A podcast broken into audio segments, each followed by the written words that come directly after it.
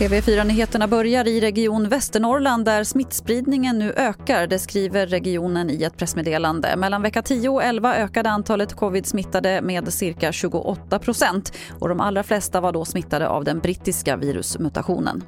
Så till Finland där regeringen väntas lägga fram coronaförslag som kraftigt begränsar finländarnas rörlighet. I det utkast till ny lag som nu presenterats införs ett utegångsförbud i Helsingfors med kranskommuner samt Åbo.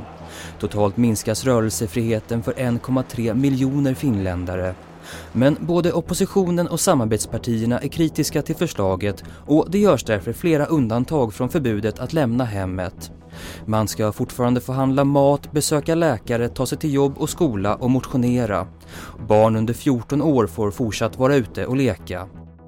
Reporter här var Axel Ellung. Och vi avslutar med det senaste om det containerfartyg som kört fast i Suezkanalen. Under natten har man fortsatt arbetet med att försöka få loss det enorma fartyget som blockerar kanalen. Men lågvatten och vind gör det svårt. Och flera andra fraktfartyg tvingas fortfarande ligga för ankar medan bärgningsarbetet pågår. Det var det senaste från TV4 Nyheterna. Jag heter Lotta Wall.